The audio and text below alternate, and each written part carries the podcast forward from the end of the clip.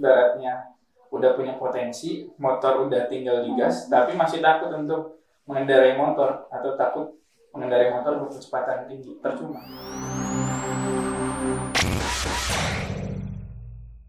Welcome to Podium.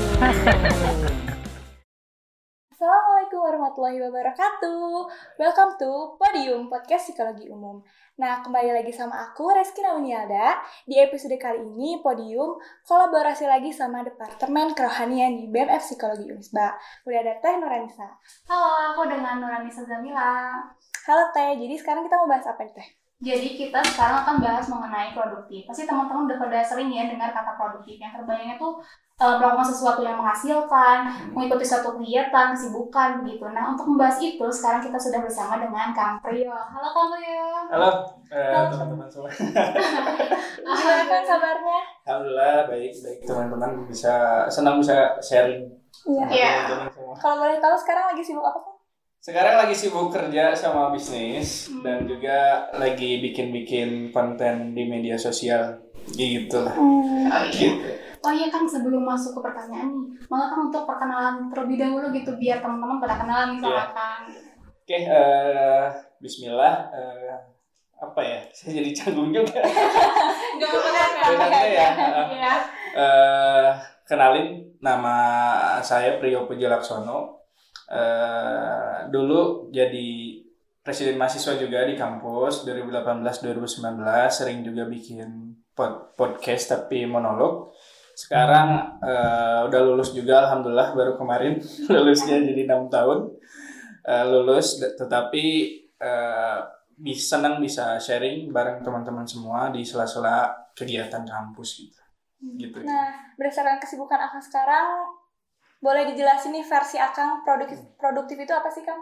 Iya, sebenarnya seru ya bahas mengenai produktif karena masa muda ini masa berapi-api Iya, gitu.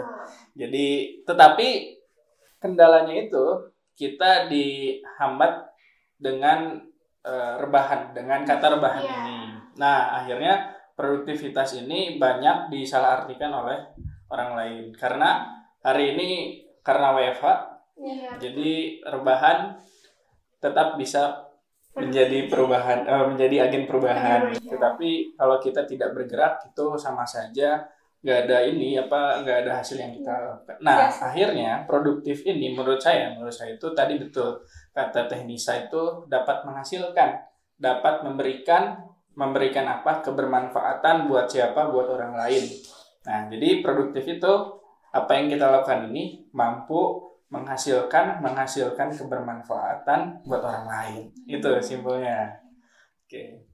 Nah Kang, tadi kan seperti yang udah Kang sebutkan, kan Kang juga dulu eh, kesibukannya sebagai presma mahasiswa Hmm. gitu ya di waktu masa kampus gitu kuliah. Nah Kang juga dikenal sebagai founder dari Unisba Inspiratif dan juga founder dan ketua dari Forum Pemuda Cimahi. Nah bisa diceritain nggak sih Kang langkah-langkah langkah-langkah apa aja yang dibutuhkan untuk bisa mendirikan suatu organisasi ini Kang? Kayak apakah dibutuhkan koneksi gitu kan? ya jadi sebenarnya butuh tahapan jadi perlu tahapan untuk memben- membentuk suatu organisasi terutama yang harus kita miliki itu adalah keberanian. Nah keberanian ini sulit apalagi mental ya. Jadi kalau ilmu ilmu itu bisa kita dapetin di kayak kita sharing hari ini kan bisa.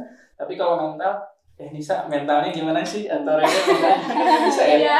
jadi mental itu bisa terbentuk dan kita dapatkan ketika kita langsung terjun, ketika langsung kita mengalami dan sebagainya. Makanya Rere dan Nisa ini luar biasa bisa untuk membentuk podcast ini sebenarnya. Nah, membangun organisasi juga sama. Iya. Jadi organisasi yang saya geluti itu dari semester awal. Hmm. Jadi saya langsung masuk himpunan, bukan masuk himpunan, ya di ospek di himpunan, kemudian langsung masuk organisasi, Bompai, Al Asyari, Iya. kemudian di rumah jadi ketua Karang Taruna, ikut eh, organisasi ekstra juga gitu kan.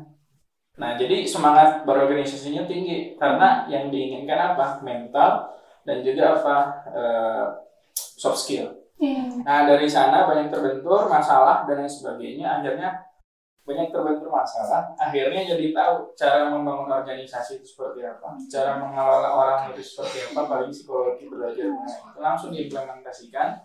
Lalu kemudian apa langsung terjun nah jadi eh, langkah-langkahnya menurut saya tadi ya eh, harus terjun dulu di organisasi tahu bagaimana permasalahan dan cara mengatasinya seperti apa dan butuh keberanian Keberanian. keberanian Pertama keberanian gitu ya. Iya. Nah, tapi kan nih kan Akang tuh udah sibuk organisasi, terus juga kegiatan kuliah, terus juga eh, bisnis Akang. Tapi pernah nggak sih Kang ngerasa kayak takut gitu? Takut satu sama lain saling ngehambat, atau misalnya sa- salah satunya ada yang nggak berhasil atau gimana gitu? Iya. Kalau ketakutan pasti ada. Jadi selalu membayang-bayangi. Iya. Tetapi saya tuh punya prinsip bahwa saya percuma punya ibaratnya, ibaratkan saya punya motor 1000 cc, tapi kemudian saya takut untuk mengendarai motor. Kemudian saya takut eh, mengendarai motor berkecepatan tinggi. Ibaratnya kayak gitu. Misalkan tuh, Rere Nisa punya jaringan. Rere Nisa punya soft skill, punya keberanian, punya ilmu tentang bisnis misalkan. Tetapi takut untuk memulai. Sama aja kayak tadi. Ibaratnya udah punya potensi, motor udah tinggal digas, tapi masih takut untuk mengendarai motor atau takut mengendarai motor berkecepatan tinggi. Percuma. Akhirnya yang harus kita lakukan adalah mempersiapkan diri sehingga kita menjadi siap. Hmm. Gitu. Jadi cara akan meminimalisir rasa takut itu sendiri mempersiapkan diri. Mempersiapkan diri dengan cara apa? Membaca buku, Hmm. berdiskusi, dan menulis. Nah, Nah, Kang pada masa Kang jadi mahasiswa nih Kang, karena kan juga aktif organisasi, aktif bisnis, terus juga membangun sebuah organisasi gitu kan. Aku juga menulis sebuah buku nih Kang, yang berjudul Semangat Menginspirasi. Nah, adakah seseorang yang menginspirasi Akang sehingga bisa jadi aktif produktif gitu kan? ada sebenarnya. Jadi Hmm. eh, setiap hal yang kita lakukan itu pasti ada inspirasinya. Jadi teman-teman juga pasti ada inspirasi. Tetapi uniknya adalah saya berawal dari tidak memiliki inspirasi. Nah, kenapa sih bilang kayak gitu? Buku itu lahir dari saya tuh lagi menyendiri. Saya tuh merasa diri saya itu tidak ada yang bisa eh, bisa menginspirasi saya baik itu orang, dosen, orang tua dan sebagainya. Akhirnya ada salah satu senior saya yang bilang bahwa ketika tidak ada yang bisa menginspirasi kamu, berarti kamu yang harus bisa menginspirasi orang lain. Nah dari dari sana saya langsung bagaimana caranya? Saya harus bisa menginspirasi orang lain dengan cara apa? Dengan cara salah satunya menulis buku. Kayak gitu. Jadi timbul dari diri sendiri gitu ya? Iya, Kang? gitu. Jadi itu alasan aku juga memilih kata inspirasi Ya, gitu ya. betul, Oh, betul. gitu. Semangat buku semangat menginspirasi, bisnis inspiratif Gitu tiket, ya. Namanya inspirasi. founder yang sebuah inspiratif Iya, iya. gitu. Eh, dari kegiatan kesibukan Akang sendiri, dari organisasi, terus juga bisnis-bisnis, menurut Akang apa sih yang udah Akang dapat gitu, manfaat apa aja yang Iya. Akang dapat gitu? Banyak hal yang saya dapetin, terutama eh, ilmu soft skill yang memang tidak dimiliki, yang tidak diajarkan ketika di kuliah. Mental juga yang memang tidak didapatkan di kuliah. Jadi banyak ilmu yang saya dapatkan relasi, ilmu tentang bagaimana cara memanusiakan manusia, kemudian ilmu bisnis pun itu walaupun saya bukan di fakultas ekonomi tapi saya banyak belajar dari relasi-relasi Hmm, iya. yang memang saya dapetin kemudian berorganisasi juga terutama bisa eh, berbicara di depan umum. Dan terutama menurut saya sih mental ya. Iya. kalau kalau ilmu mungkin semuanya dari kita punya kemahiran masing-masing. Iya. tapi kalau mental itu jarang orang dapetin. Kayak gitu. Nah dapetinnya di mana? Di organisasi. Langsung terjun gitu kan. betul Nah setelah tadi Akang udah sharing-sharing tentang manfaat yang udah Akang rasain, bisa nggak sih Kang uh, ceritain tentang tips dan trik nih untuk bisa tetap produktif di masa adaptasi kebiasaan baru gitu kan? Iya. Biar juga bisa menginspirasi orang-orang yang masih takut di keluar zona Iya. nyaman. Jadi sebenarnya seharusnya juga milenial ini di masa pandemi atau WFH ini harusnya semakin produktif.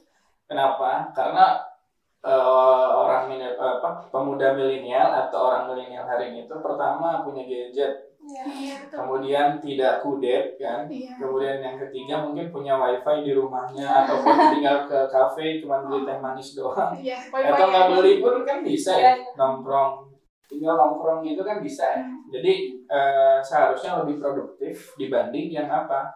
Yang eh, apa yang lahirnya di zaman 90-an ke bawah gitu. Nah, seharusnya lebih produktif karena bisa memanfaatkan media lebih optimal lagi dan juga bisa memanfaatkan media ini untuk jadi ajang eh, apa? ajang inovasi dan kreativitas bagi teman-teman. Salah satunya ini. Ya, Zoom meeting bisa Iya, nggak usah iya. ketemu. Kemudian apa lagi?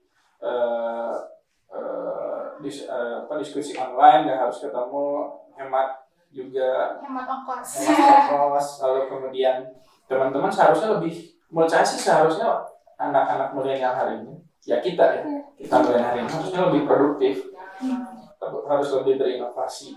Fasilitasnya lebih banyak ya kan? fasilitasnya udah Iya, ada nah makanya ini, ini jadi aneh loh jadi aneh Kena- kenapa Eh, contoh kecilnya aja Indonesia itu secara fasilitas bacaan eh, apa perpustakaan bukunya itu banyak banyak banget tetapi yang bacanya sedikit sama kayak hari ini pemudanya banyak fasilitasnya udah ada tapi nggak mau mengembangkan kreativitas dan inovasi karena tadi rebahan tadi Iya. Iya. Nah, gitu. Santai-santai Ya, gitu. rebahan, rebahan juga bisa membawa perubahan.